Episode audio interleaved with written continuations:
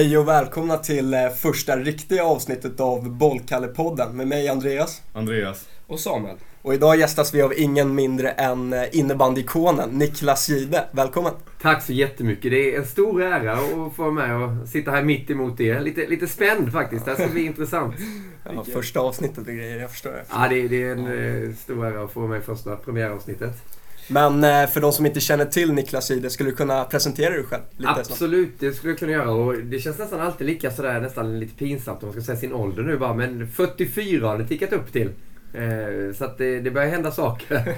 Jag eh, arbetar som sportjournalist på Viaplay. Nent Group heter företaget. Före detta Viasat som folk kanske känner igen lättare då. Vi har bytt namn nu. Så att jag jobbar med, med fotboll, mestadels Premier League. Och så jobbar med hockey, NHL. Och lite junior-VM och eh, Tre Kronor och sånt där. Eh, Så folk brukar säga, är det verkligen ett jobb Niklas? Eh, men- är, man gör ganska mycket ändå. Andreas, du har ju fått följa med en vecka när du praktiserade. Du, du det såg måste ju... varit coolt alltså. Ja, det var, det var inte dåligt alltså. Få Nej. hänga med alla grabbarna där liksom. Ja, du fick ju kommentera där. Ja, inte dåligt. Ja, Vad var det? Chelsea mot City? Ja, Eller en vass repris från gårdagen. Ja, när du tar studenten sen då ska vi spela upp det där för alla dina polare. Nej, den raderade jag snabbt Nej, alltså. gjorde du Hyfsat jobbigt att lyssna på den i Gjorde efterhand. du Liksom. Jag trodde f- 40 personer satt och lyssnade samtidigt liksom. Ja, men man känner lite så. Där. Annars, om man går vidare utanför eh, yrket så familj, eh, två barn, Freja och Elton. Freja som är 13 nu, Elton är 10. Eh, kompis med Andreas lillbrorsa Elias. Eh, de spelar ihop i innebandy och fotboll. Och är väldigt tajta, går i samma klass. Så det är idrott, idrott, idrott. Freja tävlingsdansa. Tränar ju dubbelt så mycket som jag gjorde när jag var innebandyspelare. Det är helt galet vilka magmuskler. du. Eh, Bosatt här i Vallentuna? Ja, sedan eh, 2009 när jag slutade med innebandy så flyttade vi ut hit. Ja, ja. Och eh, jag hade egentligen ingen koll på Vallentuna. Jag visste att Linde Golfklubb är har det? grym. Vem har det? Utan jag visste så här, volleyboll var de bra på tidigare.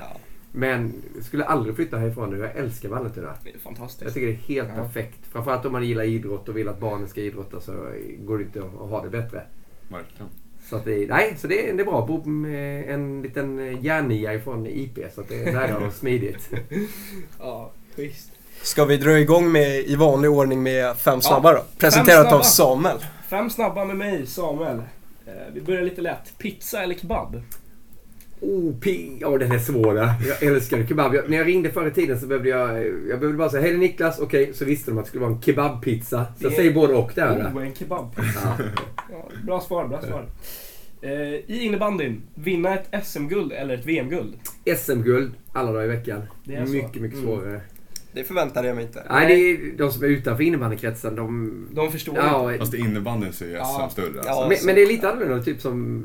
Nu lever ni kanske också innebandy. Ja. Typ Ja, inte längre jag. Nej. Det var förut. För, ja, men tittar man nu så är det ju inte självklart att Sverige ska vinna guld. Nu har ju faktiskt Finland vunnit Mm. fler gånger än Sverige på slutet. Men Ja. när jag lirade så skulle det mycket till att vi inte skulle vinna. Så SM-guld, ja, det fick man jobba mycket hårdare för.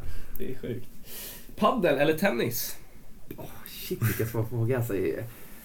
Jag, jag spelar ju mer padel nu men jag älskar tennis. Ja. Älskar tennis. Så svaret är tennis där. All right. Rafael Nadal. All right. Innebandy eller hockey? Fan, vi svettas här ju. Är...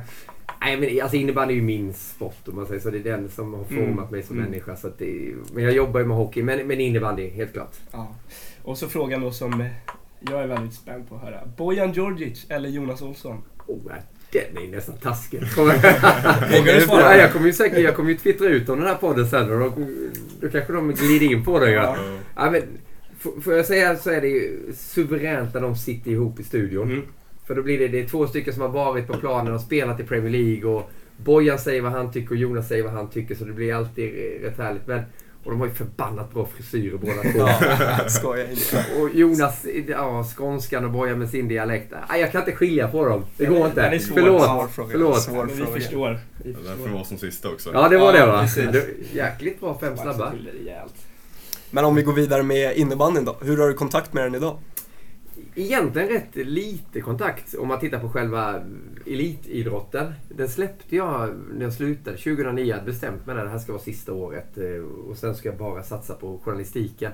Och det är så svårt om är sportjournalist och, och vara en idrottsman också. För då blir det lite att folk bara, "Va, vad, vad gör innebandyspelaren här? Så jag valde att kapa innebandyn när när jag väl slutade och bara jobba med, med mitt yrke om man säger så. Mm.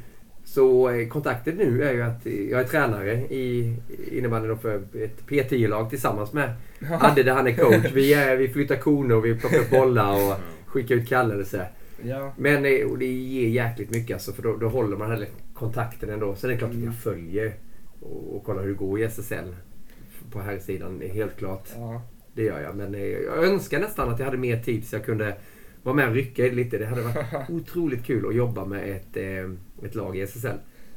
Så du skulle kunna stå på sidlinjen i ett, i ett högre lag? Ja, det, det är lite så här dröm jag har. När, när, barnen blir lite större så att man inte v- behöver köra hit och dit utan de kan sköta sig lite själva. Då, då hade jag kunnat Ja. tänka mig det. Jag tycker att det måste röras om lite i grytan också. Sen, ja, men det hade varit lite kul att testa sina idéer just med det taktiska också. Jag tycker det ser rätt likt ut nu mellan många lag. Så det hade varit lite kul med något annat. Och Addes innebandyhjärna hade varit kul att använda där också. Ja, då, till Och att ta med andra. forma något. Ja. Ta med lokala Vallentuna till Ja. högsta ligan. Eller hur? Ja. Kanske Vallentuna har gått upp här högt nu. De är ju i division 1 så Ja, kanske kan bli något där. Ja, får se.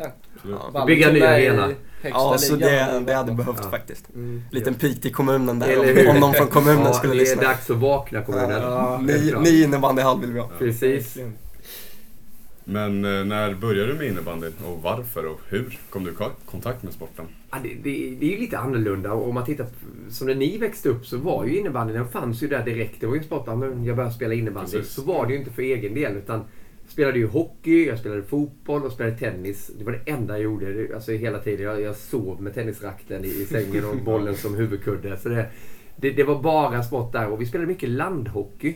Vilket man inte ser så ofta nu längre. Men vi spelade med hockeyklubbor ute på gatan med egna mål som vi har snickrat ihop. Och plock och stöt och hela den här Ja, biten. det, det är äkta. Ja, Ja, det var det Riktigt äkta. äkta. Och sen, Ja. sen en pla- inte sån här plastboll som man spelar innebandy utan en hel plastboll som var lite tyngre. Alltså, Så, så där höll vi ingen på. innebandyboll Ja, det var inga hål i den. Nej, inte stoppad heller. Utan det, det, det Ja. hade inte riktigt kommit då. Så det var väl där man fick upp liksom det här att oh, shit vad kul. För sen kom ju innebandyn i skolan också. Ja. Men jag började ju inte tävlingsspela innebandy förrän jag var 17 år.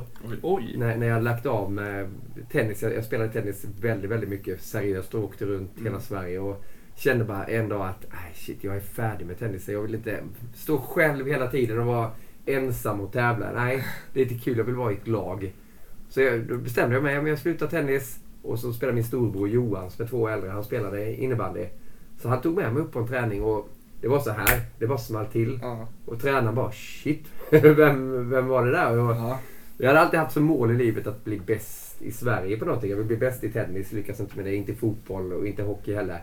Och så körde vi innebandyn och var direkt efter två, tre månader fick jag debutera i högsta ligan. Oj. Oj. Eh, Och jag kunde inte regler eller någonting. Det blev nästan pinsamt då. Eh, Och från den dagen så kände jag att nej, det här, det här vill jag satsa på. Och innebandyn började ju gå väldigt, väldigt bra också. Kidsen Ja. började snacka innebandy och hela den här biten. Jag skulle precis säga det att innebandy idag är ju en, alltså en helt annan grej än vad det var på din tid. Liksom. Ja. det är så mycket större. Ja, det, det går Ja. inte att jämföra. Det, det, det hände någonting och det, det var rätt roligt att få vara med på den snöbollen också som började rulla där. Helt plötsligt så, så ringde tidningarna och berättade om eh, Ja. målet där och man fick åka och göra reklamuppdrag. Allt möjligt. Man var i London och vi var i Lettland. Alltså det, var, det var helt sjuka grejer som man fick göra genom de här åren. Och få vara med på det. Man började känna sig att ja, innebandyn är inte så långt efter fotbollen och hockeyn. Det, det kommer ske någonting. Ja, det är sjukt ändå att det kan vara så att, eh, att det gick så snabbt att det gick från amatör till, till proffs. Ja, Eh, det är nästan, alltså, ja precis, det är ju jättesvårt att tänka sig nu. Tänk det är- kidsen Ja. som börjar på innebandy idag liksom. Ja. Det börjar man med 17 års ålder så Ja. Det skulle ju inte funka. Nej, det är nästan omöjligt att bli proffs. nästa- alltså. Precis. Fördelen som jag hade där, det var ju att jag kom ju så mycket bättre tränad. Utan vi, vi, vi spelade ju tennis fyra timmar om dagen. Mm. Vi hade alltså team Mats Wilander där vi var sponsrade av Mats Wilander. Jag åkte i minibuss runt och hade bästa förutsättningar. Visste vad vi skulle äta och Mm. körde stenhård fys. Sen när jag kom in på innebandy då, sen hade jag ju spelat så mycket hockey och landhockey. Så det, jag hade ju med det, men, som ni säger nu, det hade ju varit skitsvårt med tanke på att det är en helt annan teknik i innebandyn. Mm. Jag spelade ju hockey Ja. innebandy på det sättet. Det, Hockey det, på en innebandyplan. Ja, precis. Mm. Det, det funkar. Jag var ju uppe och gjorde en, en match här nu med Dalen eh, i SSL här för Ja, ett litet tag sedan. Och på något jävla märkligt vis så, så funkar det ju faktiskt fortfarande. För Det blir att de andra bara, "Ö, vad håller han på med egentligen? Du vet, man står och ska ha targetpassning upp i, i bröstet och det de var inte riktigt redo för. ja. Men vart, vart började din innebandykarriär? I vilken klubb? Det, det, den började i en klubb som heter Högstorp. Som ligger i Växjö. Det är, ungefär, ja, det är som en stadsdel Ja. i, i Växjö. Där eh, då Johan, storbrorsan, var med med sina kompisar i sin klass. Mm. Så jag, jag hängde med upp dit och, och började träna med dem. Och det var bara ett kompisgäng. Det var precis som att, okej, Adde är tränare fast han spelade också. Mm. Så det, det, det var ju mest roligt. Och vi åkte iväg och garvade på resorna och lite sånt där. Men sen så kände jag att nej, mina kompisar spelade i ett lag som heter Hofsaga. Det är också en stadsdel i Växjö. Men de låg i högsta ligan. Som var division 1 och det var vad SSL är idag då. Så jag började i juniorlaget där bara för att hänga på mina kompisar som jag gick i samma klass. Ungefär som, som ni gör då. Ja, precis. Och det var ju där det tog fart då, för han, tränaren var, spelade själv i A-laget. Och han hade ringt till coachen då i det här eh, högsta ligalaget då, och bara du, det har kommit upp en, en kille som du nog ska titta på. Ja. Så jag fick ju vara med och träna med A-laget där. Jag kom med mina tennisskor och mina tenniskläder och var Och då var du A-laget. 17. Då var jag 17 Mm. och eh, efter ett år så, ja, så hade jag fått spela i, i högsta ligan och var på väg till Jönköping faktiskt som var lite större lag eh, än, än, än Hofsaga. De utmanade om SM-guld. Och hade faktiskt ett kontrakt jag skulle skriva på med mina föräldrar. Bara, men är du dum? Du, du har ett år kvar på gymnasiet. Du kan inte flytta nu. För att spela, vad hette sporten? Så har du innebandy. De hade ju ingen koll heller riktigt. Så det, det var så nära att jag flyttade iväg. Men då stannade jag kvar i Växjö ett år och spelade. För vi åkte ur i högsta ligan. Så då spelade jag ett år i division 1 kan man säga. Då. All right. Men eh, hur, hur kom du i kontakt med då de här större klubbarna? Du har ju varit i AIK Mm. till exempel, har jag koll på. Ja, Hur... Eh, din första... Spelade du för Jönköping sen? Nej, jag gjorde aldrig det. Du gjorde aldrig det? Jag, vi var där uppe, hade fått kontraktsförslag, tittat vilken skola jag skulle gå på, hade fått lägenhet och hela den här biten. Ja. Eh, och så skulle de komma ner till Växjö, för det var någon som var ute som var säljare någonting. Så han skulle svänga förbi ett hotell i Växjö och hämta upp det här kontraktet som jag skulle skriva på. Mm. Men jag hade precis tagit körkort, var 18 år och satt där i bilen med kontraktet bredvid mig och bara... Nej, jag hade skrivit på det också. Eh, vad, vad ska jag göra? Jag kan ju inte lämna sista året i gymnasiet. Ni vet ju det är. Man har gått med, med sina polare länge och ser fram emot mycket där. Mm. Jag väntar lite till. Så jag rev det här kontraktet, kommer jag ihåg, i bilen och gjorde en U-sväng och körde hem igen. Ja. Eh, Men Jönköping ringde sen året efter också då. Men eh, då hade Pixbo kontaktat mig, ett, ett lag från Göteborg som var ett sådär poplag. Alltså Pixbo, man bara wow.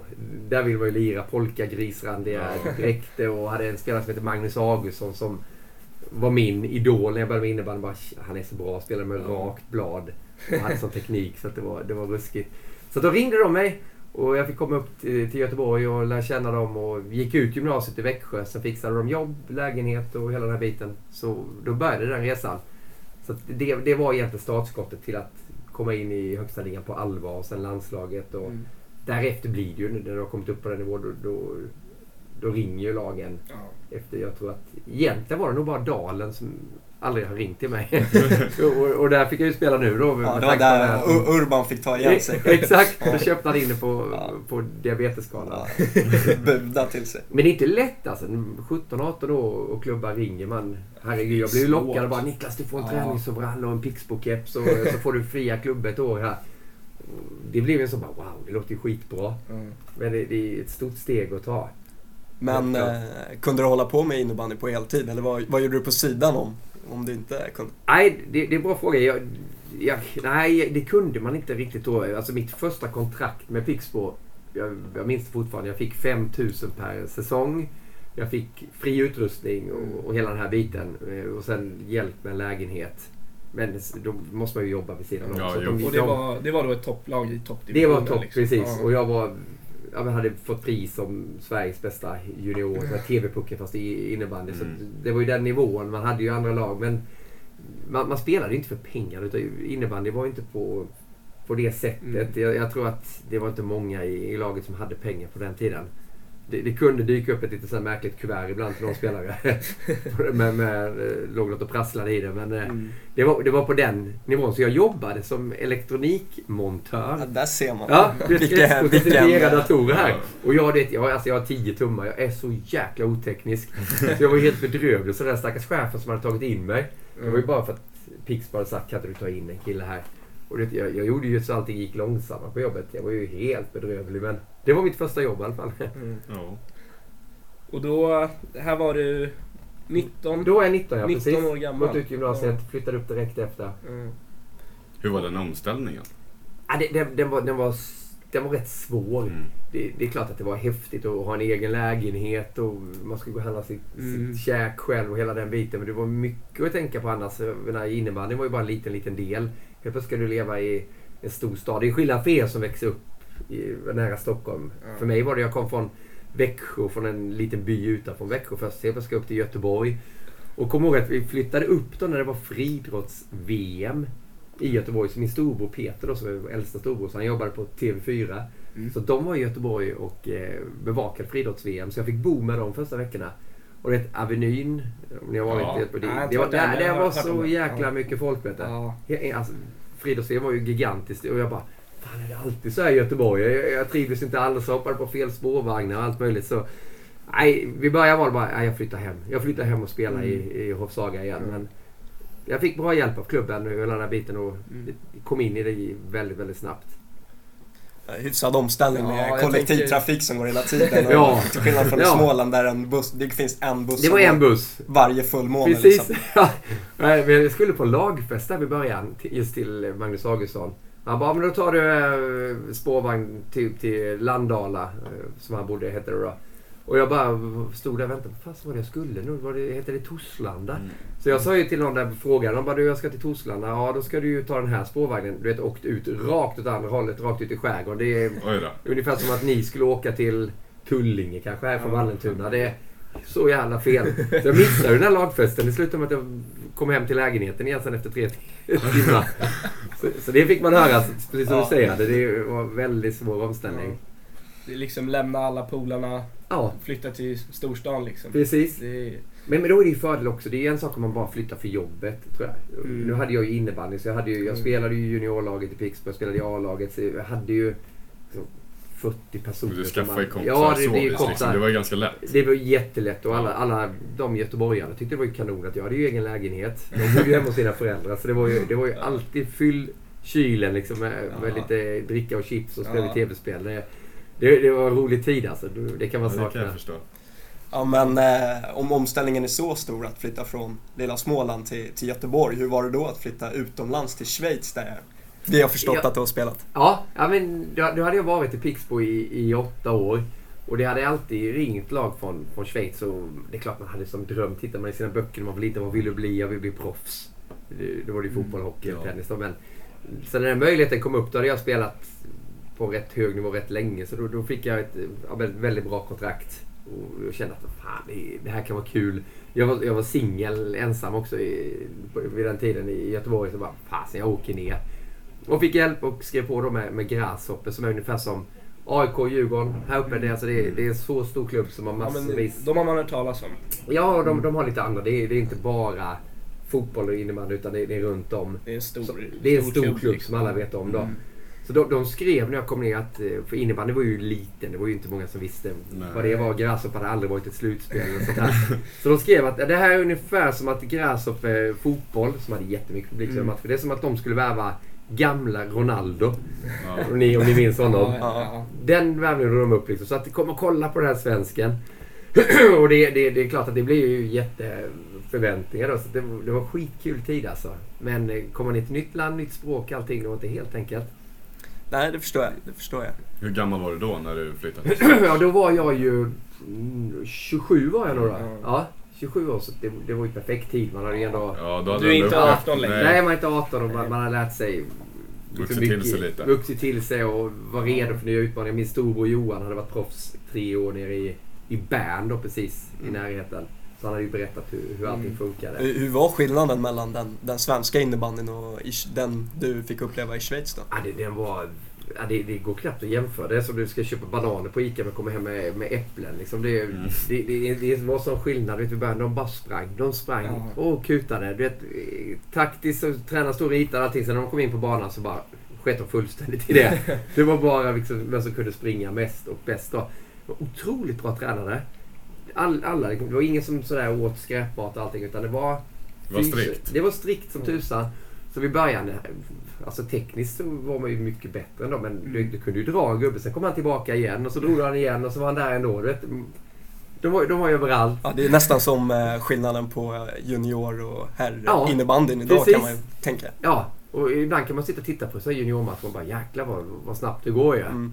Bara fram, upp och ner, upp och ner.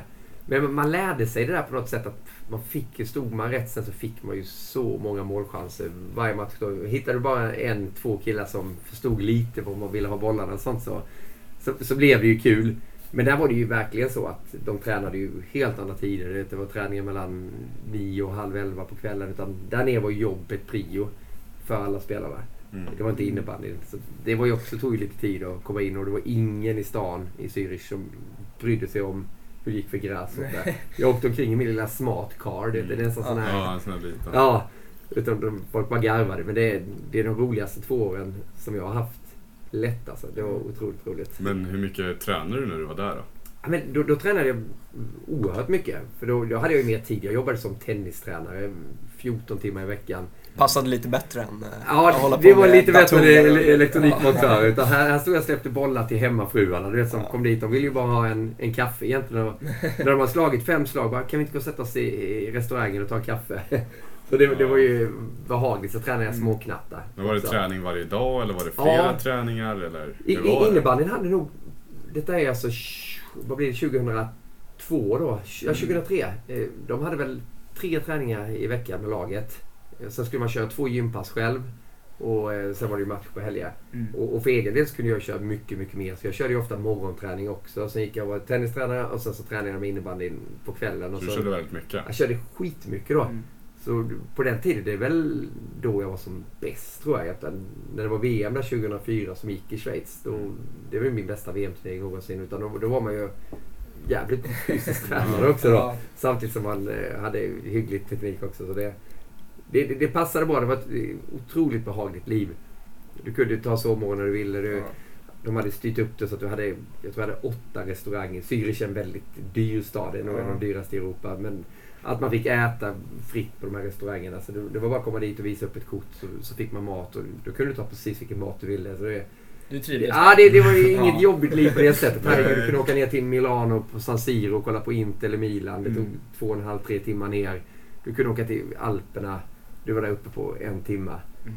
Så det livet var ju, det var ju fenomenalt. Det Då. fanns mycket att göra. Det fanns jättemycket att göra. Och sen hockey i stan. Vi var och tittade på gräshopp i fotboll när de lirade. Så trivdes du som fisken i vattnet där nere. Helt klart. Mm. Samtidigt som man kunde koncentrera sig på innebandy. Jag hade ju, för att vara innebandyspelare, bra betalt. De ville ju att, vinner inte du poängligan så är det... Och det, det var ju rätt svårt. Alltså, det var ju många Mm. svenskar som var där nere. Det var ju inte helt enkelt. Men det, det, det gick bra. Vi gick till final andra året. Vilket är okej då. Ja. Ja. Det- Får man väl ändå säga. Ja, det var det allra slutspel. Så första året när när vi fick stryk rätt mycket. Man var ju frustrerad. Alltså jag var ju helt galen. Det var, och det gick liksom inte att göra någonting för du, vi hade inte tillräckligt bra lag och det gick inte att göra det själv för de, de andra spelarna var så pass bra. Sen andra året så, så hade vi bättre. Mm. Så du var ändå med och tog Grasshoppers då till framgång, Ja, ja men det, man kan säga. Faktiskt, ja men det är just det året när de tog den till final. Då var det sista matchen jag spelade nere. Då, då var det, fick folk vända faktiskt till arenan. De kunde inte ta in alla. Då spelade de i, i Zürichs största arena. Så vi, två och ett halvt tusen var på plats. Och det var så här skyltar liksom. Bye bye Niklas. Sista, du vet, så här, och, då, då, det var fjärde finalen, kommer ihåg, Ja. bästa av fem. Mot det här laget som vann varenda år. De heter Wieler Ersigen. Kanske känner igen det. Är bästa laget där nere. Eh, och vi pressade dem där också. Förlorade i sadden i fjärde. Så att det, det, det var ändå... Det, det var det. TV sände, radio var där, tidningen. Så det kändes som att okej, vi vann inte mästerskapet men vi har ändå satt Det måste ju varit riktigt innebandy. mäktigt. Ja, det, det blev på riktigt. Och Ja. det blev lite att ja, men mitt uppdrag är slut för att nu vet folk vad innebandy är i Zürich. Ja. Mm. Och det, det har faktiskt varit så när jag har varit där nere och jobbat med ishockey så har folk kommit fram. När jag har gått där nere och bara Ja. Fan, det är du den långe svenska. Jag kallas för bonden. gjorde jag ner för att de tyckte jag bara stod framför mål och viftade så här. ja. Så det, det, nej, det, det skulle jag rekommendera alla man får möjligheten att Mm. åka ner och ta ett sånt äventyr. Och hur länge var du här i Schweiz? Två år. Två år? Två blev Sen var det tillbaka hem till Sverige eller? Sen var det tillbaka Mm. och jag var bara utlånad från Pixbo. Jag hade ju varit i Pixbo i åtta år. Mm. Eh, Och vi hade ju aldrig vunnit. Pixbo hade aldrig vunnit SM. Men vi lyckades vinna 2001. 2002 2003 var vi. Ja. Och det var då jag drog till Schweiz precis efter. När du inte var med? Ja, det- det- jag var med. Så jag var med i Pixbo. Så jag var med och fick avsluta. Så det kändes lite som att man hade avslutat det Mm. kapitlet. Att okej, jag var med på första segrarna. Så det var inget måste för mig att åka tillbaka till Pixbo. Men då hade jag Nej. träffat eh, en tjej som heter Linda som kom från eh, Bollnäs. Det ligger inte så jättelångt upp i Sverige. Det är två mil upp från, från eller två mil, två och en halv timme upp från Stockholm. Ja. Ja, det hade Ja, varit det, det. Han minns Mycket skog. Mycket skog. Så hon var inte så jättesugen på, på Göteborg. Nej. Eh, Och eh, då hade AIK jagat mig i, rätt många år innan där. Eh, En person som jobbar inom media som heter Lasse Granqvist. Mm. Mm, ja, ja. Som var AIKs starke man i innebandyn då. Ja. Och i och med att han visste ju att jag ville bli sportjournalist också. Det var ju mitt högsta mål. Ja. Och han var ju redan då Sveriges bästa sportjournalist. Så han kom ner till, till Schweiz bara för att han ville träffa mig. Jag vet att eh, Pixbo är ditt lag men jag vill att du ger AIK en chans att lyssna på vad vi har att erbjuda. Så vi satt där i en liten smart car, jag och Lasse Granqvist. Han är ännu längre än vad jag är. Han är Ja. upp på två meter nästan. Ja. Ja. Så det var ju världens roligaste syn. Vi klev ut och skulle äta lunch. Och, nej, de, de, de presenterade så otroligt bra och visade så proffsig inställning till allting. AIK i innebandyn var ju en sån frisk fläkt som innebandy behövde då. Eh, Från alla de här mindre lagen som hade varit så Mm. Hade man ju alltid blickat mot AIK. Det var lite fans i Solnahallen, du vet, Ja. lite liv. Så, Ja. så det, det föll sig att, att jag skrev på där och, och flyttade till Solna. Jag hade ju inte så jättebra, jag har alltid varit rätt rädd nästan för Stockholm. Jag tycker att det är en stor stad och alla, det är näsan Om. Göteborg var jobbigt så Exakt. välkommen till Stockholm. Och Liksom. Göteborg är lite tjena gubben, Ja, nu är exakt. läget då? Ja. Stockholm är lite hårdare. Hej! Ska du inte ha någonting? Skynda dig nu då. Jag vill bara kolla hur du mår. Ja. Det. Men det, det visade sig vara helt tvärtom. Mm. Herregud, vi trivdes kanon i Solna. Så jag spelade i AIK i, i fyra säsonger. Mm. Blev det då. Mm. Innan- Innan jag la ner karriären. Så du avslutade när du var i AIK? Ja, jag, eh, det, det, delvis. Det blev lite märkligt. För jag, jag, jag hade sagt där, när vi gick in i säsongen 2008-2009. Så tänkte jag, men jag säger ut i media också att ja, men nu ska jag göra min sista säsong. Jag tycker att alla bara håller på med comeback hela tiden. Ja. Framförallt i innebandyn har det varit så. Mm. Saknas en gubbe. Vi ringer Adde, han var ju bra på innebandy för några år sedan. Kan du vara med och lira igen? Och så började man spela. Så jag hade bestämt mig att nej, jag ska inte göra någon comeback. Utan det här är mitt sista år. Jag ska vinna VM, jag ska vinna SM Mm. och eh, Europacupen. Vi vann Europacupen med AIK i, i december. Eh, VM, första gången Sverige förlorade. Sista året jag var med. Och vi hade slagit Finland i Globen i sadden. Var det, när, var det när landslaget körde med linnen eller? Ja, det, var- Ja, det, det, måste var varit innan. därför. Ja, det måste varit bedrövligt. därför. Herregud. Spela det med linne. Nej, det såg bedrövligt ut. Fel Alltså. sport. Pu- Pum, Pumalinne. Jag- Nej, men basket kan man väl acceptera Ja. liksom. Innebandy, det, det det skulle också vara så här, då var det ju att ja, men ni, ni är den här unga coola sporten. Mm. Eh, ni, ni får köra med linne. Och alla bara glömde ju bort att ja, men innebandy spelar ju inte jättebra tränare. Så det var ju inte så att vi låg och körde bänkpress utan och helt bleka. Så när linnena kom, det var ju oh my god. Och jag var ju sponsrad av Adidas själv. Så att eh, när de ringde mig och någon tidning bara vad tycker du om det här nya med linnen? Jag bara toksågade ju. Ja. Sen efter det fick jag ett samtal från förbundet bara I helvete Jihde! Så jag kan säga det. Är, vi har fått en fin sponsor här och du måste ställa upp för landslaget och jag var ju kapten också så det var ju Ja, kanske jättesmart gjort av mig. Men, Men man får, vad ska man göra? Man, Ja. Hade inte accepterat att springa runt i linnen, representera nationen. precis. Och det är kaptensbindel när man inte hade det. Det fick jag ju bara ta runt armen. Det måste ju sett jättelarvigt Ja, det såg jättemärkligt ut. Ja. Men det var inte därför vi förlorade. Vi, vi förlorade finalen. Finland hade varit bra länge. De var värda det där. Men det, var- det var sjukt surt att förlora sin sista landskamp. Utan det, var det sista jag gjorde och förlora i förlängning. Och Den sved. Det kan jag förstå. Sen vann vi med AIK i, Globen. Slog Varberg i finalen och tog AIKs andra SM-guld. Så jag fick vara med på AIKs båda SM-guld. Ja, De- det är stort. Ja, det var faktiskt. Mm. De hade förlorat rätt många finaler. Mm. Så man fick vara med på den resan. Det var också sådär att Lasse hade sagt vi vill vinna. Mm. Eh, Och det är därför du kommer hit. Mm. Och hade förmånen då att få med och vinna. Så att, samma sak med Pixbo. Det är de gulden de har vunnit. Och det är något man är lite stolt över faktiskt. Så här efter. Men det var samma lag på den tiden som var stora innebandyn. Falun och Eh, Storvreta. Vilka, Ja, Ja, Storvreta var bra. nu. Storvreta var, var, var bra också. De Mm. hade vi många dueller med. De hade Mika Kohonen och Ja, absolut. Johan Andersson och Johannes Gustafsson. Sådär som, så där var det kraftmätningar. AIK Storvreta, det, det bara flög grejer i Solnahallen Ja. på den tiden. Skitkul att spela. Och Varberg var bra på den tiden också. Mm. var också en sån här maktfaktor och Pixbo. Mm. Så det var väl vi, min första SM-final med AIK fick faktiskt möta Pixbo. Precis när jag hade kommit hem från Schweiz. Sagt nej till Pixbo. Flyttat till AIK. Var inte jätteglada nere i Göteborg. Måste ha varit en spännande match Ja. ändå. att Möta gamla laget och... Storbrorsan hade Ja. flyttat hem från Schweiz. Det enda han ville var att vinna ett SM-guld. Jag hade ju redan vunnit två. Fick man möta honom i finalen och så vinner AIK och vinner sitt första SM-guld med oss då. Mm. Den, den banketten där var ju lite speciell. Måste ändå varit kul. Ja, det var skitkul. Ja, det det, det, var det. Sen, sen nu i efter så här kan man ju tycka att fan, det hade varit kul för Johan att få vinna ett SM-guld också. Men just den, den glädjen som det blev för många AIK-fans, den, den var rätt häftig att få uppleva Mm. faktiskt. Men det blev en säsong, eller en säsong, året efter jag hade slutat i, och lagt ner karriären så ringde Linköping. Eh, och hade fått in en rik person som eh, även var med och styrde alltså, vi, hela Viasat där jag jobbade. Ja. Det var på det sättet. Så de bara, vi vill att du ska spela med Linköping. Jag bara, men jag åker runt och gör Hockeyallsvenskan och är reporter. Jag reser tre dagar i veckan upp till Leksand, till Malmö. Jag hinner inte spela innebandy. Mm. Du behöver bara spela matcher. Oj, Jag bara, okej. Eh, Ja, då vill jag ta med Anders Hellgård som är en av världens bästa spelare genom tiderna. Mm. Smart center som spelar i landslaget och Pixbo med mig. Ja, men ta med honom också. Eh, ni får så här mycket. Vi- Alltså vi fick ett sånt kontrakt. Det, det var bättre än vad jag hade i AIK och. Pixbo. Bara, bara på att spela 6-7 matcher och sen spela kval. så, så vi var med där. Vi gjorde en träning gjorde vi på hela säsongen med Mm. Linköping. Och sen var vi med och fick flyga privatplan till Visby.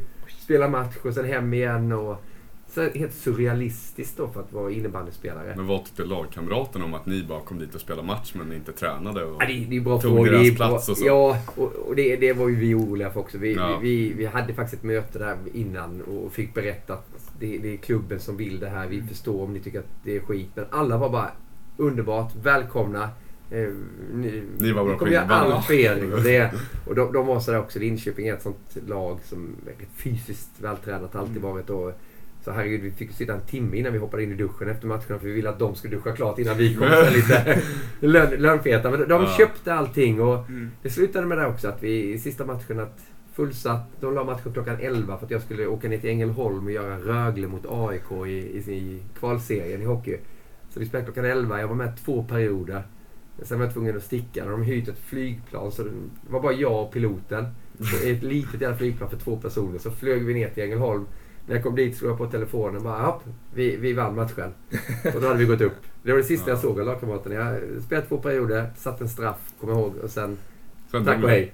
Så då var det ändå som de andra innebandyspelarna som gjorde comeback hela tiden och sånt där. Exakt. Som inte bara kunde jag lägga av. hamnade ju liksom. det. Och, och så blev det såklart snack om det här med pengar och flygplan hit och dit allt Mm. möjligt. Så, nej, men så här i efterhand så är det ju rätt roligt. För, för Linköping har ju blivit bra därefter. De, de ville upp De till är högsta- väldigt bra nu. Ja, de var ju i SM-final sen några år efter. Så lite roligt för att ha varit med på den resan också. Men eh, det, det, det blev avslutet på, Ja. trodde jag, på högsta nivå. Nu var det ju den här diabetesmatchen. Ja, men det var precis. ju lite mer på Ja. skoj då. Än match.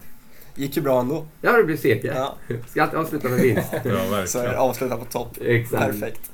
Gjorde mål också. Nej, Assist, assist var det. Ja, Assist var det. det hade, de, Borde kanske gjort mål. de tog in sin andra målvakt därför jag tror vi vann med 14. Ja, det var Sex- ganska stora ja. siffror va? Så det kom in där andra målvakt som ja, men hade nog inte stått speciellt mycket. Han gjorde en jävla räddning på mitt skott när det var 15 sekunder kvar. Så eh, de där Hölle, Hölleviken var där. Kom fram till mig efter. Jävla onödigt. Jag kommer inte ihåg vad han hette målvakten men typ Labbe eller någonting. Jävla onödigt av Labbe att göra sitt livs räddning i, i slutet när det står 14-8 eller 6. Ja, han var nog nöjd. Han var ju säkert skitnöjd ju. Ja, det kan man ju förstå. Men det, det blev lyckat. Det blev mycket pengar till diabetesfonden. Det är jättebra. Så det var kanon. Men sen där då, när du hade spelat din sista match för Linköping där. Då Ja. var det via satt för hela slanten då eller? Ja, det, det, det var det. Och det var det Mm. egentligen sista året där också. Ja, I och med att jag, jag ville bort med innebandy-Niklas Mm. och vara journalist-Niklas istället. Jag, jag ville inte bara hela tiden att folk skulle snacka innebandy när jag var ute på, på jobb då. Så, och hemma också. Vi hade fått barn, fått en dotter då, Freja. Mm. Jag kände ju att jag behövde lägga mer tid på det. Sen, sen blev det ju första året i Hockeyallsvenskan. Jag tror vi gjorde 100 matcher på plats. Oj. Och det var ju bara bortamatcher i och med att du har man ju inget hemmalag när du är journalist. Utan du reser ju runt. Så det var, Hovet var ju det närmaste. Ja. Sen var man ju runt över hela, he- hela Sverige. Mm. det blev ju inte att vara hemma så jättemycket ändå. Men det, det var ju också en rolig språngbräda in i yrket. Som verkligen tog fart där. Vi fick Mm. göra rätt många stora grejer efter det. Mm. Och det kändes rätt bra också. Jag, jag, jag var klar med innebandyn. Jag hade gjort det mesta. Jag var 32 år då. Kände att ja, men, ja, jag hade kunnat spela i ett par år till. Men, men samtidigt, vad fasen. Du måste gå vidare i innebandyn också. Du kan inte leva på att vara innebandyspelare. Det, är- det är inte som hockey sådär att du kan bara spela golf och padel sen hela livet. Utan du måste göra någonting. Men tröttnade du på innebandy något på slutet eller var det bara att du kände att jag vill göra något annat? Det- jag, jag måste säga sista året där i AIK, det, det är ett av Schweiz var ju roligt och Pixbo också såklart i början. Nej, men det här sista året när man visste att jaha, men nu är det sista gången jag är i Mm. Fyrishov och möter Storvreta och det är sista gången man gör den här resan upp till Umeå. Eh, nu blev det ju inte det, men, men, eh, men ändå just att veta om allt det där. Det, det gjorde att det, det blev sjukt kul. Mm. Och vi hade bra lag också det sista året där i AIK. Vi, vi vann nästan... Ja, vi vann i både Europacupen och SM-guld. Så det, det är klart att det gjorde sitt också. Ja. Men det var lite roligt att sluta på topp när man inte kände att man var på väg ner utan att man fortfarande var Ja, det rätt, var rätt bra. alltså. Det, det blev ju sånt där filmslut också. Jag fick Mm. göra mål i öppen kasse när det var 10 sekunder kvar. Och kunna ställa Mm. skorna på mittplan där och hela den biten. Så det, absolut. det blev ett bra slut på den här cirkeln som är ganska... Alltså det var ju, det var ju menat att man skulle bli innebandyspelare på något märkligt sätt. Börja 17 och sluta 32. Det är inte så lång Mm. karriär egentligen om man, om man jämför mot de som började när de är 5-6 år och Ja. spelar upp till de är 35 Det är kanske. en jävla resa du har gjort ändå. Ja, den, den, den Mm. är rätt rolig och Mm. den har ju lärt mig så mycket runt om i livet. Det är ju det som är... Men även fast den började så sent så gick det ju otroligt bra alltså. Ja, men, vi, ja, men jag, jag tror att det där driver till att vilja vara Mm. Mm. Ja, men på något sätt Magnus Norman, jag vet inte om ni vet det, det är en av Sveriges bästa tennisspelare genom tiderna. Final i franska mästerskap och sånt där. Han var ju samma årgång som mig, 76. Och när Mm. vi var på alla de här tennisturneringarna då kom han i du vet, Wilson-kläder, det var piké, det var keps, det var träningsoverall, det var fem racket där under armen och man bara gick så här bara Jag vill ju också vara sådär bra, jag vill bli sponsrad. du vet, och det, det där drev mig på, på, på något sätt. Att fan jag vill vara bäst på någonting och när innebandyn då blev så. Och, Där såg du chansen. Ja, och lagen började ringa och hela den här Mm. biten. Då, ja, då, då tog man den på Mm. något sätt. Så det egentligen kunnat bli vad, vilken sport som helst. Bara hade det inte blivit innebandy så kanske Ultimate Frisbee liksom. Ja, ja precis. hade fått det. Du skulle bara vara bäst. Och en kepa. Nej men. Idrott, ja, det, idrott har alltid passat. Jag, jag tror att har du, alltså är du intresserad av någonting och tittar mycket på det och liksom är lyhörd, ser hur andra gör. Jag tittade ju mycket på hur de här Magnus Augustsson de gjorde. Hur tränade de? Hur, sköt han sina skott och hela den biten. Är du nyfiken så, så kan du bli väldigt bra på det mesta. Liksom. Mm. Du kan träna upp mycket men sen är det klart att du måste vara medfött. Vi- Vissa gör ju bara mål på något sätt. Det går inte att förklara. Det är som när man ställer intervjuer till, till vissa spelare. Ja, berätta målet. De har ingen aning. Ja, jobbig fråga är det Ingen faktiskt. aning. Ja, det är en skitjobbig fråga för de bara... Helt, helt naturligt. Jag hade ju ingen aning. Alltså jag tänkte ju aldrig på om, om jag mötte dig som målvakt. Jag tänkte jaha, han är dålig på om jag går vänster. Nej. Tänkte aldrig på det. Utan det bara, det bara flöt på. Och det, det, det, är som, det ser man på vissa killar nu när vi tränar mot innebandylag. Vi- Vissa bara har det. Vi- Vissa Mm. bara gör de där målen. Som Addes Lillebror och som skickar in fyra mål. liksom, På, på något sätt. Ibland stod han bara så här efter liksom, och slog ut med armarna. Och jag sa när han kom och satte sig på bänken. Du ska aldrig skämmas över att göra mål. Hur du än gör målen. Det, det är det det går ut på. Ja, verkligen. Och, och vissa har det där att de kan slå någon passning, liksom har split vision. Och, herregud, släng ner en boll i hörnet och det är två killar. Jag kan lova att samma kille kommer ut med bollen åtta gånger av tio Mm. för att de bara har det där i Mm. sig på något sätt. Så det, är nog, det är nog lite menat också hur, hur bra du ska bli. Du, du, du kan träna dig mycket också men det, är- Mm. det är mycket i skallen. Absolut. Om du fick eh, ta ett, eh, ett guldkorn från karriären. Om jag frågar dig, vad Mm. är ditt, ditt, din bästa stund? Ditt bästa moment från hela din karriär? Ja, det är, Vad skulle du säga att det var? Ja, d- alltså VM-guld 98, mitt första VM-guld. Mm. Precis då när man hade kommit in. Jag har ju inte spelat innebandy så länge då. Nej. Just det där att stå och lyssna på den svenska nationalsången. Mm. Det var fullsatt, det var mycket fans som hade åkt ner faktiskt till. Vi var i Prag. Så att det var liksom gulblått och alla skrek och bra fest på kvällen och hela, hela, hela den biten. Just att kunna känna att fan, vi är bäst i världen på Mm. någonting. Vi har gjort det här tillsammans. Det, det, det kommer jag aldrig glömma. Nej. Och sen första SM-guldet med Pixbo. Den här killen som, som värvade upp mig till Pixbo. Som kom ner till Växjö och som hjälpte mig med jobb, hjälpte mig med lägenhet. Hjälpte att jag inte behövde äta kebabpizza varje dag. Jan-Inge Forsberg heter han. Han är eldsjäl i Pixbo. Driver nu ett företag som säljer innebandyklubbar, Unihoc och Sol och de här. Att se han gråta på Hovet när vi vann vår första final där. Ja. Efter hade förlorat och förlorat och förlorat förlorat. Det var alltid Stockholmslagen som vann. Och så vann vi på Hovet där och han, man såg att han grät. Det Och Lasse Granqvist då. Som också hade varit med om allt det här i AIK. Förlora final på final på final och sen verkligen själv nästan gått in med pengar för att få till sig bra spelare, ännu bättre spelare då. Mm. Och så fick vi vinna efter att ha varit helt värdelösa den säsongen. Jag låg skadad med en axel som var, var sönder och allt gick åt helvete. Helt plötsligt bara så räckte det med att vi vann en match så vände det. Och så vann vi AIKs första SM-guld. Ja. Och han stod och grät i Globen. Vet, en, en, man som har bevakat VM-finaler, OS-finaler och allting. Det var också sådär surrealistiskt nästan. Så, så de tre händelserna är nog är de stora. Mm. Förlåt att det blev tre. Nej, men det, Vi på Bollkallepodden har varit idrottsaktiva i hela våra liv. Idrotten är en stor del av vår identitet och vi har svårt att tänka oss ett liv utan den. Men alla har inte möjligheten att ta del av det fantastiska som finns i föreningslivet. På grund av att man helt enkelt inte har råd. Därför är det en stor ära att meddela att vi på Bollkallepodden är i samarbete med Fritidshjälpen. Nolltolerans mot utanförskap, det är föreningens Fritidshjälpen. Föreningen Fritidshjälpen en organisation vars mål är nolltolerans mot utanförskap. Vår vision är att alla barn och unga ska ha rätt till en meningsfull fritid oavsett ekonomiska förutsättningar i familjen. Vi stöttar bland annat familjer som av olika anledningar inte har möjlighet att låta sina barn fortsätta delta i fritidsaktiviteter inom såväl idrott som kultur. Vi vill också aktivt lyfta och öka medvetenheten för sambandet mellan utanförskap och ökad risk för psykisk ohälsa, missbruk och kriminalitet. För mer information om Fritidshjälpen, kika in deras hemsida www.fritidshjälpen.se Vill du stötta oss på Bollkallepodden samtidigt som en slant går till just Fritidshjälpen? Swisha oss på 070 872 5606. Eh, Om vi släpper Gides innebandykarriär Ja. och går vidare till, till lite djupare frågor kanske. Ja. Eh, så Kan vi börja med skillnad mellan killar och tjejer i det stora hela i idrott? Varför tror du att det är fler killar än, än tjejer som utövar idrott i det stora hela? Eh, ja, men jag hoppas att det, att, att det ändras. Eh, min, min uppfattning, och att jag har liksom någon vetenskaplig bevis på det, är ju att, att tjejer slutar lite tidigare. Att man håller på, jag tror man kommer in i idrotten på, på samma sätt som, som killar gör, men att man kanske slutar när man kommer upp 16, 17, 18, 19. Man, det blir skola och det blir lite andra grejer som pockar på uppmärksamheten.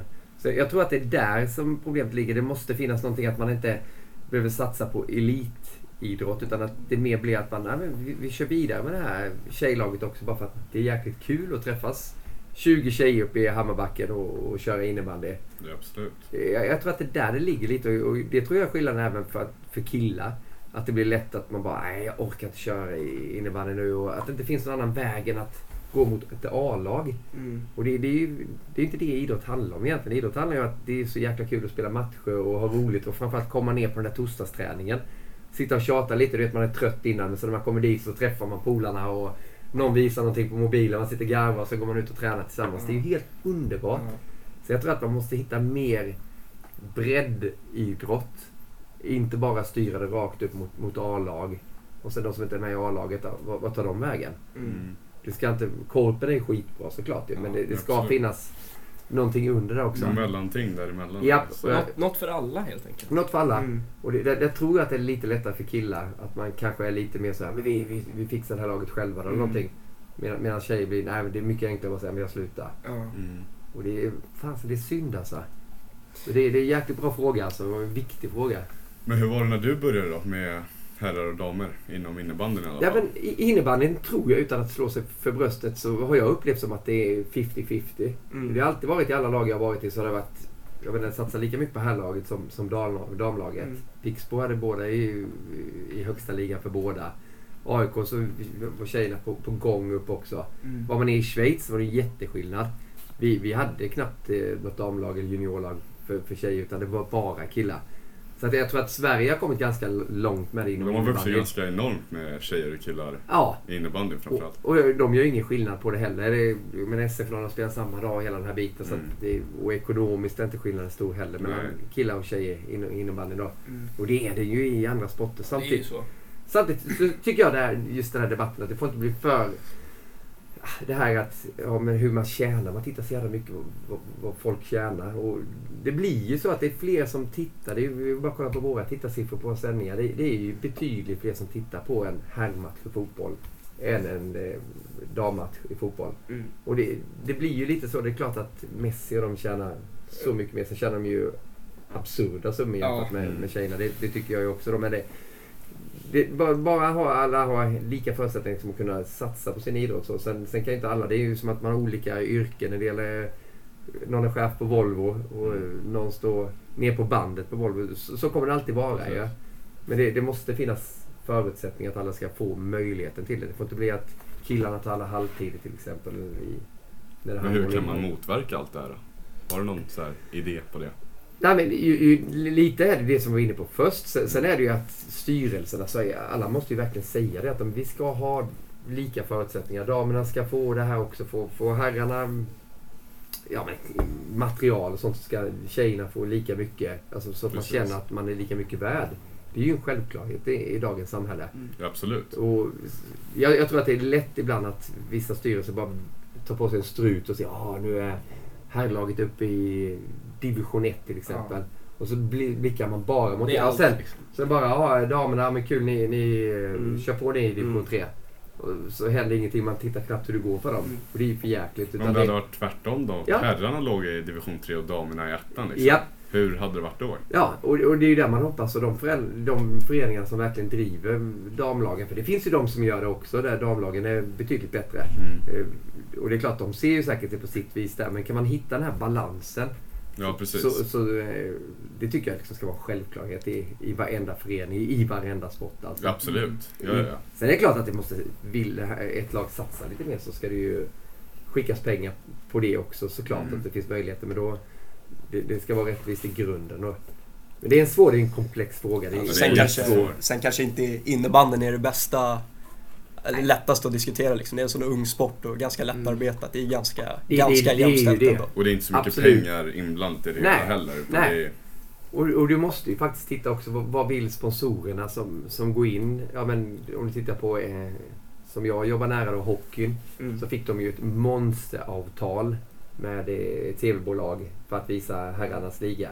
Och, och det är klart att de vet att de säljer abonnemang på det. Nu visar de damernas också, vilket är all Mm. respekt. Men det blir ju väldigt stora skillnader såklart. Men man, man måste se också vad som genererar på det, på, på det sättet. Vad, vad vill sponsorerna betala för? Mm.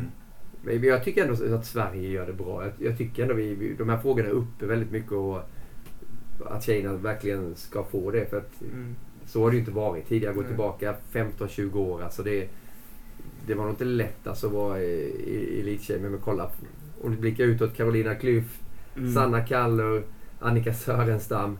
Alltså Sverige, vilka Mm. Ja, idrottsstjärnor absolut. som har varit kvinnliga. Det, Ja. Vi ska ju vara galet stolta över det som Sverige har mm. fått fram också. Mm. Men du skulle ändå säga att innebandy är rätt bra på den Ja, jämställdhetsfronten? jag- jag tycker Kanske faktiskt det, i jämförelse med hockey eller... Fotboll framförallt. Ja. Där är ju störst skillnad. Ja, ja men jag, jag, jag tror och det, och det vet jag hur förbundet har jobbat också med, på innebandyförbundet just att man har verkligen alltid sett det som lika. Det var ingen skillnad mellan herrlandslaget och damlandslaget. Nej. När jag var med då, då var jag kapten och fick vara med på många möten. Och den biten. Och det, det tycker jag är bra. Men det är som Adde säger också. Det är, det är en ung sport innebandyn. Mm. De har ju, har ju formats med under den här tiden när det verkligen har varit mer jämställt samhälle som vi lever i. Det, det är betydligt svårare för, för fotbollen och hockeyn som har den här uppförsbacken redan från början. Då. Men det är bara, bara att hoppas. Och framförallt så behövs det ju den frågan ni var inne på först här. Att det finns ett större utbud också. Att det är Mm. fler som håller på med idrotten. Sen är det inte lätt att bli en bra damhockeyspelare. Herregud, du måste gå och jobba, köra hockey klockan sex på morgonen. Sen ska du gå till ditt jobb och sen ska du köra hockey igen. Mm. Vilka kan leva det livet länge? Det, då Inte slutar alla. man med. Då Jag tror inte många som orkar det. Nej, du Alltså, så här- slutar när du är 25. Ja, Och det, är- det, är- det är ju tyvärr, medan en herrspelare då kan, kan ha över 100 000 i månaden. Det är klart Mm. att man kör vidare då. Mm. ja, absolut. Det blir ju självklart. Men eh, om, vi, om vi släpper den frågan då och går mot eh, varför tror du de flesta slutar och när, när gör de det? Eh, om man ser till alla idrottare och alla idrotter. Ja. Jag, jag tror att det jag är livrädd för är att, eh, att man slutar ännu tidigare nu än vad det var innan. För att det är sånt jäkla tempo med allting där ute. Mm. Det är fotboll som håller på året runt, hockey som håller, nästan håller på året runt, innebandy kör också skitlänge, alla andra sporter plus sociala medier. Ja, Herregud, 8-9-åringar sitter ju med det nu redan. ja Du ska hinna med det, du ska eh, lägga fokus på skolan. Ni vet hur mycket Mm. ni har i skolan. Mm. Absolut. Hur fasen ska man få ihop allt det där? Ja, det blir ju mycket som kommer i vägen med åren. Ja, Det är ju så. det, ja och, och då kanske du ändå älskar det, men du vill hålla på Mm. med det. Jag, jag kan bara ta min son som exempel. Måndagar så får han tre kallelser. Han får kallelse till hockey, till fotboll, till innebandy. Alltså han har tre sporter. Och ska jag gå till honom och säga ja, vad vill du köra idag? Att det är skitsvårt, ska han behöva välja? Så, vet du, är det någon på hockeyn säger du kommer väl på hockeyn du kommer väl på innebandy, du kommer väl på fotbollen. Det är ju väldigt lätt att det blir liksom den sporten som kanske går lite sämre. Att man då bara, Ja. nej men jag, jag slutar i, i fotboll. Jag orkar inte. Och som förälder bara, okej, ja men gör det. För att då vet man att det kommer bara två kallelser. Mm. Så jag, jag, jag tror att klimatet där ute, det är sånt jäkla högt tempo. Mm. Som gör att när man, när man kommer upp i 15, 16, 17 års ålder, man är, man är helt mentalt slut. Mm. Man, man, man vill bara få bort de där jäkla kallelserna och allt möjligt. Och bara, jag vill bara vara med mina polare. Mm. Och det är ju någon gång i den åldern där du måste verkligen välja Japp, vad du vill. ja.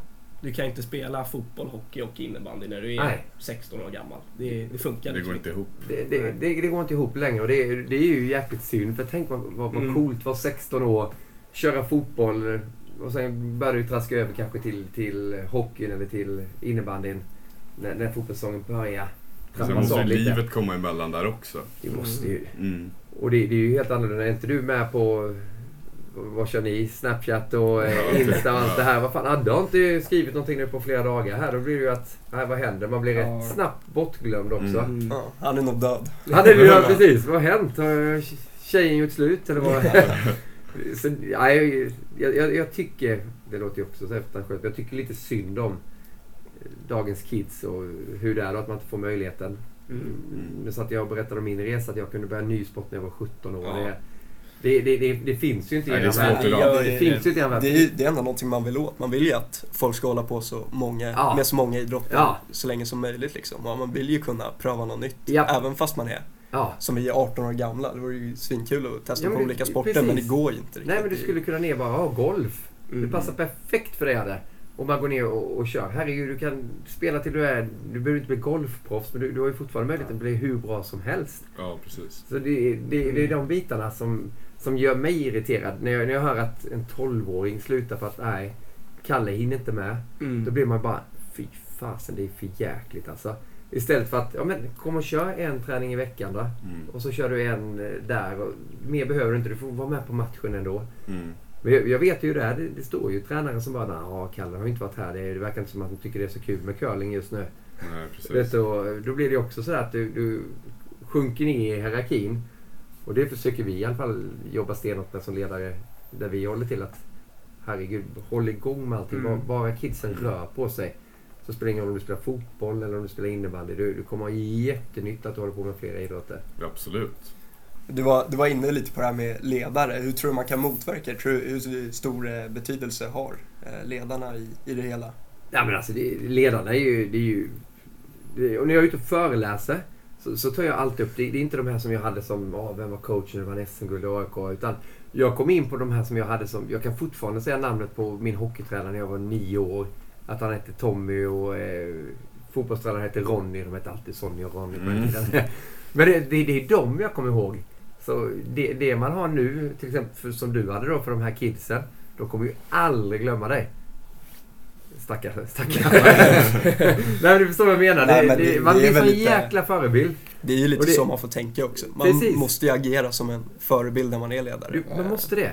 Och där, har- där har du ju problemet att många ledare, nu säger inte jag att jag är världens bästa ledare, men många kommer upp från och bara tänker ja hur var det när jag var eh, aktiv? Vi, vi gjorde så här på våra hockeyträningar. Vi, vi körde där och snackade Olle eller Lisa. Ja, då fick vi åka 10 straffrundor. Och bara, ja, nu är det 2020 liksom. Ja. Kidsen är, lever i en helt annan värld. Saker förändras. Saker förändras helt ja. Så du, du måste in och leva i den världen också. Därför tror jag att det är perfekt, typ som vi har gjort då i innebandyn, att vi har Adde som är ungdomstränare som, Mm. som är, nu är inte du kidsens nivå, men du förstår mer, du, du kan läsa dem bättre än vad vi Ja. kan. Mm. Och sen kan de vuxna gå in lite mer när det behövs. kanske grejer som är lite tråkiga för, för Adde också då. Mm. Så, nej, så svaret på den frågan är att jag tror att för många tränare försöker leva livet som barn, ungdom igen. Förstår ni hur jag tänker? Ja, absolut. Ja, ja. Att fotbollstränaren står där och skriker att eh, ja, han blev inte själv men jag är världens bästa coach nu. Det, jag vet exakt. Liksom. Vi ska Ja. ha honom ute på vänsterkanten. Du ska bara spela på vänsterkanten. Istället för att den här personen kanske skulle behöva spela mittback ibland. Mm. Vara anfallare ibland. Bara gå runt för att Mm. vidga Ja, vyerna lite och verkligen. tycka det är kul. Så att, nej, ungdomsledare och knatteledare. Jäklar vad viktiga de Mm. är. Galet. Ja, verkligen. Finns det några andra, andra saker som du tror man kan motverka att folk slutar i ung ålder eller att den sjunker, åldern när, man, när folk slutar? Ja, Finns det jag- något annat som man kan Ja, göra för att motverka det? Jag, jag tror ju att eh, det här som faktiskt Vallentuna har börjat lite med, något som heter like. Att gå runt och verkligen visa idrotter. Eh, Komma ut helt plötsligt för de spelar lite pingis och Mm. badminton. För jag tror att dagens barn testar inte på lika mycket. Det tror jag absolut inte. Nej. Utan vi efter skolan, herregud, vi hade stavhopptävling, vi hoppade längdhopp, vi körde badmintonturnering. Man gjorde allt. Mm. Nu, nu är det vissa som, vadå, hur ser en badmintonracket ut? De har ingen aning. De har aldrig testat det. Mm. Man gör inte det på gympan längre, kanske på samma sätt som vi gjorde, eller idrotten som det nu heter. Då. Mm. Så jag, jag tror att ut och testa så att eh, klubbarna är ute i skolan mycket. Det tror jag. Och sen tror jag att föreningarna måste samarbeta bättre. Mm. Eh, Om man bara tittar, nu, nu spelar vi in den här podden i Vallentuna, men fotbollen måste samarbeta med handbollen som måste samarbeta med volleybollen. Mm. Du måste sy Mm. ihop någonting. Mm. När, när, när har era 11-åringar träningar sånt så att man Ja. hittar ett Men alltså mönster? hela idrottslivet nu i Vallentuna då? Får ju Ja. liksom samarbeta, snacka, komma överens till någonting Ja. som funkar för alla. Och det, och, det, och det är det som inte görs. Nej, det, precis. Det en del klubbar försöker men istället blir det att du får dina tider så bara ah, okej vi fick de här tiderna. Hur stämmer de mot fotbollen? Shit, det krockar. Mm. Mm. Och då blir det att jaha, där, tack och hej till de som slutar. Och har du väl slutat, du kommer inte tillbaka då. Nej, du hamnar ju efter fort i de där åldrarna. Du, du gör det. Och så är du inte inne i den här gruppen utan då Nej. har du en hierarki, de som är skitbra. De Ja. får du inte respekten av. Så man, man behöver det här samarbetet. Du måste se till så att du kan gå från hockey till volleyboll. Du kan gå från eh, fotboll till eh, innebandy. Det, det måste funka. Ja, precis. Men där, där och, alltså jag vet inte hur du ska göra det. Jag har själv suttit i styrelsen i, i Vallentuna innebandy. Det är, det är nästan helt omöjligt. Det finns så få tider. Så bygg en hall kommunen! Ja. Det, vi måste ha ännu mer ytor så att man verkligen kan Vi, vi skickar styra. den här podden personligt Ja, till kommunen. Ja, fast sen, man kan, det, sen är det lite fel kommun att hacka på. För tittar man på idrottsmöjligheter i Vallentuna, jäklar vad bra det är. Så Mm, man ska ha ja, cred Det också där. Men det, det, det, det hade ju behövts någonting till alltså, så att det hade funnits ännu mer Mm. plats. IP är ju helt briljant. Ja, den är Ja, där är vi lyckligt lottade faktiskt. Ja, två ishallar, Ja. så många fotbollsplaner så att det, det känns som att det ploppar upp en ny fotbollsplan lika ofta som jag klipper gräsmattan Ja, hemma. typ. Ja, nu har de byggt en plan till. Ja. Mm. Helt underbart. Fantastiskt. Ska vi ta den avslutande frågan? Japp. Hur tror du att eh, innebandyn kommer att se ut nu om 15 år? Kommer den fortsätta växa och sådär? eller? Kommer det bli mer jämställt?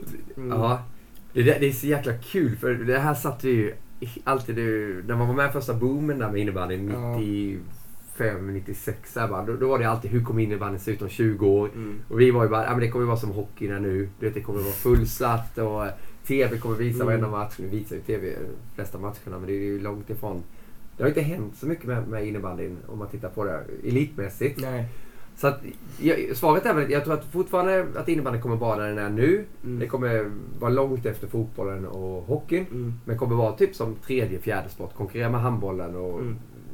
De bitarna i uppmärksamhet. Mm. Sen kommer det vara den största sporten efter fotbollen när det gäller utövare. Mm. Mm. Och det, det är ju inget snack om det. det är, innebandyn är ju Sveriges näst största sport. Ja. Så är det ju. Jag skulle precis säga det, att det känns ju som att spelar man inte fotboll då är det innebandy liksom. Ja, precis. Eller- I alla fall eller- sett till, sett till utövare och sånt där. Ja, det är precis, definitivt näst, Ja. största, näst Och- största sporten. Och, det, och där, där tror jag och tycker och, och tror även i framtiden att slå sig lite för bröstet och vara nöjda med det. Vi behöver Mm. inte ha att det ska vara 5000 på matcherna. Utan var nöjda med så som det är. Var nöjda med att kidsen spelar och älskar innebandy. Sen att inte alla vill bli elitspelare i, i sporten så, det är, det är en helt annan sak. Men se till så att det finns möjligheter för dem att, att fortsätta. Och jobba med det, jämställdheten som jag faktiskt tycker att, att de gör bra också. Då. Mm. Och att det kan bli... Det är, ju- det är ju en av de sporterna faktiskt, om man tittar på också på, på tjejer på elit, jäklar vad bra de är. Mm. Det är ruggigt kul att se daminnebandy också. Mm. Så där, där har ju innebandy kommit långt. Så där ska vi ju bara fortsätta i, i Mm. samma spår. Men ge möjligheter till det. Herregud, titta i Stockholmsområdet. Det, det måste ju finnas fler möjligheter till eh, att utöva idrotten. Det, det är ju alldeles för dåligt nu. Det finns ju inte en innebandyhall i Nej. Stockholm jämfört med Uppsala då, som har Ja, kanonfina eh, fina anläggningar. När vi var i Finland förr i tiden, det är 20 år sedan, kunde komma in och de hade sex innebandyplaner på i samma Ja. anläggning då. Det är ju eh, helt galet. Att inte det finns utanför Stockholm, det fattar jag inte. Mm. Även med det sagt så uh, tackar vi väl för oss. Ja, Första tack till avsnittet Niklas. med Niklas. Ja, tack. Ja, Tack så hemskt mycket. Trevligt. Tack. Otroligt bra fråga. Ja.